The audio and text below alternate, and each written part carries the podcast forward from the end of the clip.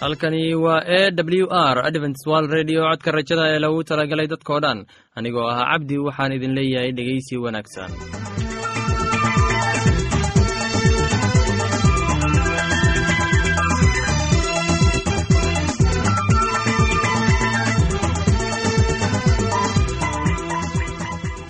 barnaamijyadeena maanta waa laba qaybood. Qaybta kuwaad waxaad ku maqli doontaan barnaamijka nolosha qoyska. Kadib waxaa inoo raaci doonaa cashar inaga yimid bugga nolosha. Dhegeystayaasheenna qiimaha iyo qadarinta mudano waxaan filayaa inaad si habboon u dhegeysan doontaan. Haddaba haddii aad qabto wax su'aal ama talo iyo tusaale oo ku saabsan barnaamijyadeena maanta fadlan inala soo xiriir. Dib ayaynu kaga sheegi doonaa ciwaanka yagu balse intaynan u guuda gelin barnaamijyadeena xiisaa leh. Waxaad marka hore ku soo dhowaataan. Heestan daabacsan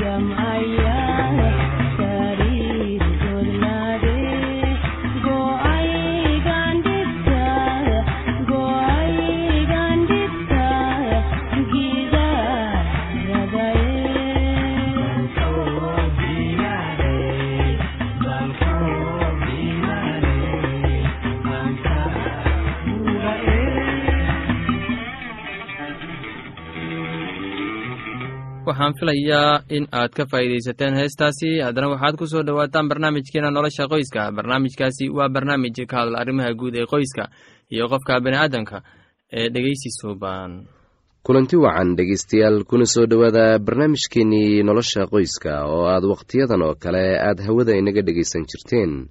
Maantana waxaannu ka hadli doonnaa dabeecadaha baabi'iya xiriirka qoyska. Baryahan dambe waxaa aad u batay burburka qoyska iyo furniinka. Haddaba haddii aynu isweydiinno waxa sababa muxuu yahay? Sideese loo hagaajin karaa xiriirka labada isqabta? Run ahaantii waxyaabo badan ayaa sababa burburka qoyska laakiin kuwa inta badan keena burburka waxaa ka mid ah dhaqaalaha waxaa dhacdaa in inta badan ay raggu sababaan burburka ama furniinka marka ay noqoto khilaaf xagga dhaqaalaha ah. Waayo raggu haweenka ayaa ooga wanaagsan xagga dhaqaalaha. Waxyaabo kale oo ay haweenku dhaliil ku leeyihiin waxaa ka mid ah xagga dayacadda guriga ama marka haweenaydu ay socod badan tahay haddaba haddii ninku uu yahay mid reero balwadeed ah waxaan shaki ku jirin in inta badan uu sabab u yahay khilaafka reerka burburka ku yimaadana uu asaga mas'uul ka yahay. Waxaa inta badan aan ognahay in matalan qaadka uu yahay kan inta badan keena burburka qoysaska. Waxaa dhacdaa in raggu ay lacag badan ku bixiyaan qaadka iyo waxyaabaha la socda sida sigaarka shaaha iyo cabitaanka kale. Taa ka sokow ninka qaadka cuna waa mid aan u warhayn reerkiisa. Waxa ay ku sugan yihiin ama aan shaqadiisa si wanaagsan u gudan. Haddaba dhegaystayaal qaadku waa masiibada ugu weyn ee saamaysa dadkeenna hadday noqoto xag dhaqaale xag caafimaad iyo xagga asluubtaba. Sidaa daraaddeed waxaa laga rabaa muwaadin kasta oo soomaaliyeed meel walba oo ay joogaan in ay meel uga wada soo jeestaan xalinta dhibaatada qaadka. Waayo ma aha mid qoys oo keliya ee wuxuu wada saameeyey bulshada oo dhan. Haddaan u soo noqonno waxyaabaha kale ee ay haweenku ku qaldan yihiin waxaa ka mid ah shaqada oo ay gudan weyso ama socodkeeda oo bata ama ninkeeda oo ay ku afceliso ama dadka hortiisa ay ku aflagaadayso.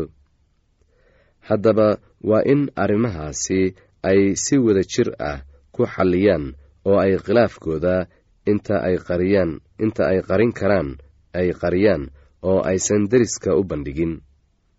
Haddiise ay xallin waayaan waa in ay la kaashadaan qof ay ku kalsoon yihiin. Haddaba waxyaabaha kale waxaa ka mid ah marka ninku uu lacagtu iska bixiyo isagoon la tashan haweenkiisa ama waxyaabihii reerku u baahnaa uu meelo kale ku isticmaalo. Kadibna marka ay xaaskiisa weydiiso halkaa uu ka bilowdo khilaaf. Haddaba si taa loo xaliyo waxaa loo baahan yahay in qarash walba oo soo gala reerka in ay si wada jir ah loola wada ay ku wada tashadaan.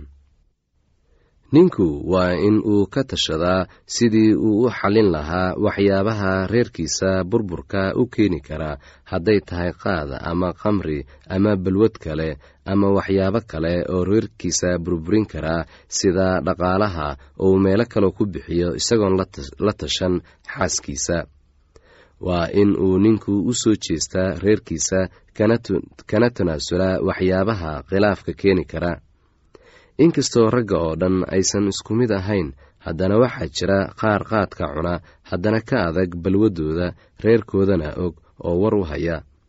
Haddaba waxaa habboon in labada isqaba ay marka hore iska ilaaliyaan waxyaabaha khilaafka keeni kara haweenaydu waa inay ninkeeda ka dambaysaa oo maqashaa waana in ay dhaqaalaha reerkeeda iyo hawsha gurigeeda u soo jeesataa oo ay socodka maalayacniga ah iska dhaaftaa. Waxaan filayaa inaad ka faa'iidaysateen barnaamijkaasi. Haddaba haddii aad qabto wax su'aal ama tala iyo tusaale fadlan inala soo xiriir. Ciwaanka yagu waa codka rajada sanduuqa boosada afar laba laba todoba lix nairobi kenya. Mar labaad ciwaanka yagu waa codka rajada sanduuqa boosada afar laba laba todoba lix nairobi kenya. Imeilka yagu waa somali at a w r o r g. Mar labaad imeilka yagu waa somali at a w r o r g. Ama barta internetka ciwaanka yagu oo ah w w w dot codka rajada dot o r g. Mar labaad ciwaanka yagu waa w w w dot codka rajada dot o r g. Ama waxaad inagala soo xiriiri kartaan barta emesonka ciwaanka yagu oo ah codka rajada at hotmail com. Haddana kabawasho wacani heestanii soo socota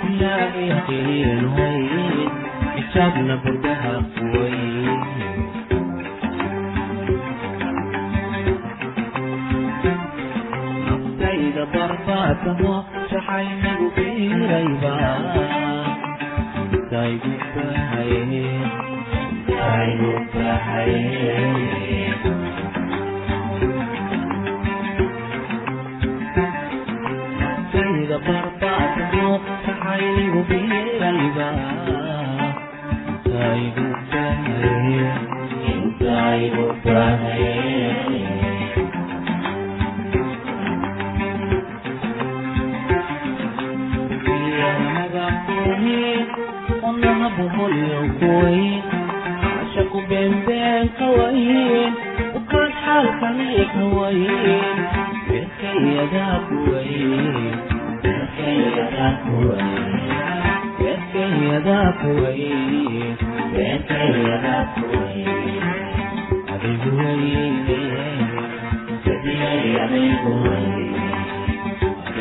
Thank you.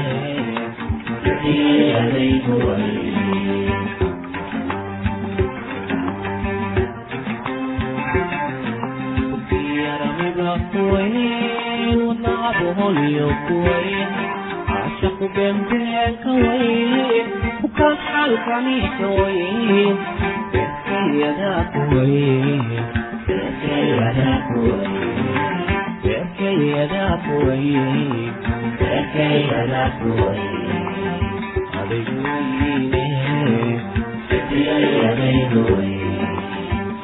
Yadakoye, Yadakoye,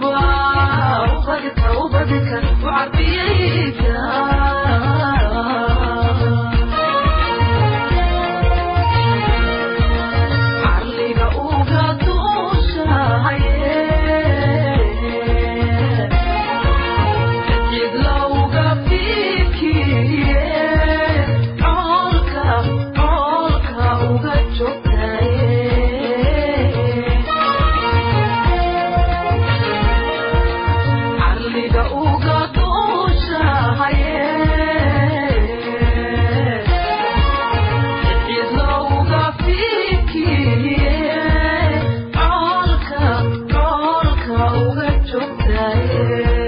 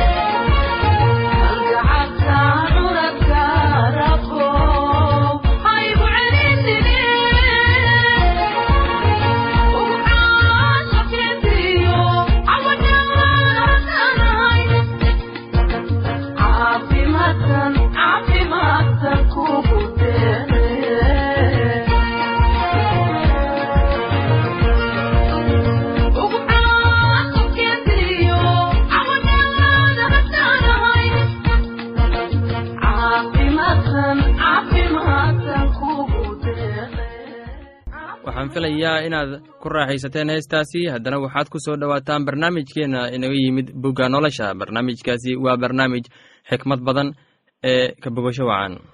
Nuuxna wuxuu jiray lix boqol oo sannadood markii daadka biyuhu dhulka dul joogay. Nuuxna dooniduu galay isagii iyo wiilashiisii iyo naagtiisii iyo naagihii wiilashiisii ee la jiray oo dhan waxayna soo galeen biyihii daadka. Xoolihii daahirka ahaa iyo xoolihii aan daahirka ahayn iyo haaddii iyo wax kasta oo dhulka gurgurtaba nuux bay laba laba ugu galeen doonidii lab iyo dhadig sidii ilaah ugu amray nuux. Waxaana dhacday in toddobadii maalmood dabadeed ay biyihii daadka ahaa dhulka dul joogeen. Sannaddii uu nuux lix boqol oo sannadood jiray bisheedii labaad maalintii toddoba iyo tobnaad ee bisha isla maalintaas ayaa ilihii moolka weyn biyo ka buuqdeen. Dariishadii samada la furay roobkuna wuxuu dhulka ku da'ay afartan maalmood iyo afartan habeen. Isla maalintaas nuux wuxuu galay doonidii isagii iyo sheem iyo xam iyo yaafeed oo ahaa wiilashii nuux iyo naagtii nuux iyo saddexdii naagood oo wiilasha ee la jiray. Iyagii iyo dugaag kasta caynkiisa iyo xoolo kasta caynkooda iyo wax kasta oo dhulka gurgurta caynkooda iyo haad kasta caynkiisa iyo shimbir kasta oo cayn kasta ah wax kasta oo jir leh oo neefta nolosha ku jirtaba nuux bay labalaba ugu galeen doonidii. Oo kuwii galay waxay ahaayeen lab iyo dhadig oo wax kasta oo jir leh sidii ilaah ku amray isagii oo ilaahna waa ku xidhay isagii. Dadkiina afartan maalmood buu dhulka dul joogay.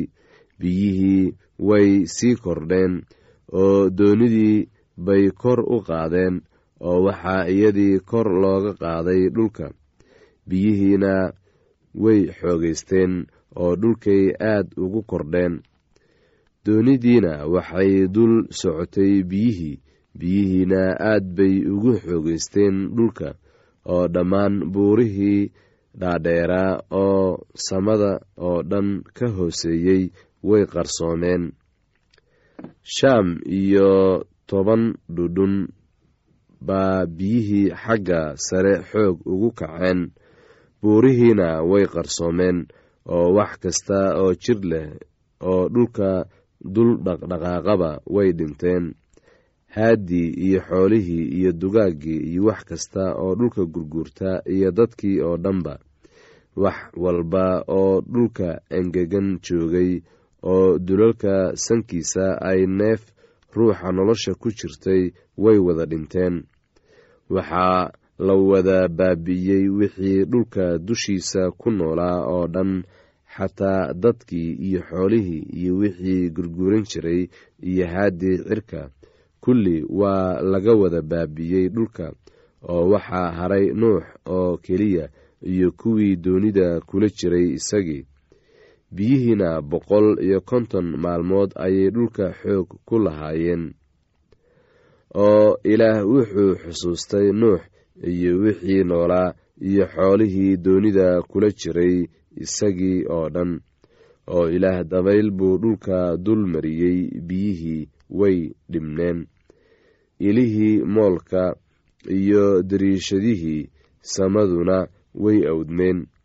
Roobkii samada waa la joojiyey biyihiina had iyo goorba dhulkay ku noqonayeen oo boqol iyo konton maalmood dabadood ayaa biyihii dhibmeen oo bishii toddobaad maalinteedii toddoba iyo tobnaad ayay doonidii ku fadhiisatay buuraha araaraad biyihiina way sii dhibneen ilaa bishii tobnaad.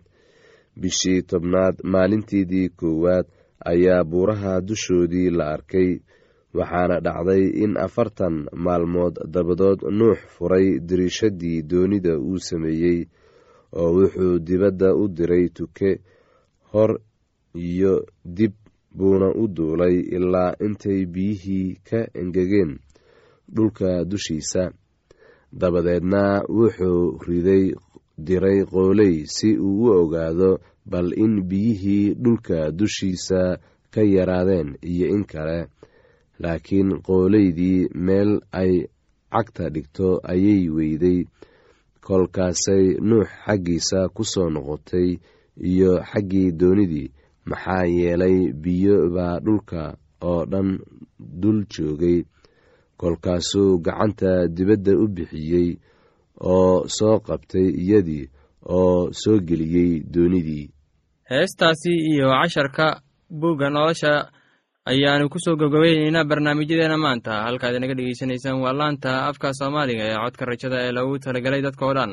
Haddaba haddii aad doonayso inaad wax ka faa'iidaysataan barnaamijyadeena sida barnaamijka caafimaadka barnaamijka nolosha qoyska iyo barnaamijka kitaabka quduuska fadlan inala soo xiriir. Ciwaanka yagu waa codka rajada sanduuqa boosada afar laba laba todoba lix nairobi kenya. Mar labaad ciwaanka yagu waa codka rajada sanduuqa boosada afar laba laba todoba lix nairobi kenya. Imeilka yagu waa somali at a w r o r g. Mar labaad imeilka yagu waa somali at a w r o r g. Ama emesonka oo ah codka rajada at hotmail com. Mar labaad emesonka yagu waa codka rajada at hotmail dot com. Ama barta internetka ayaad ka akhrisan kartaan barnaamijyadeena iyo ka maqasha sida w w dot codka rajada dot o r g dhegeystayaasheena qiimaha iyo qadarinta mudan oo barnaamijyadeena maanta waa naga intaas. Tan iyo intaynu hawada dib ugu kulmayno. Waxaan idin leeyahay sidaas iyo ammaano allah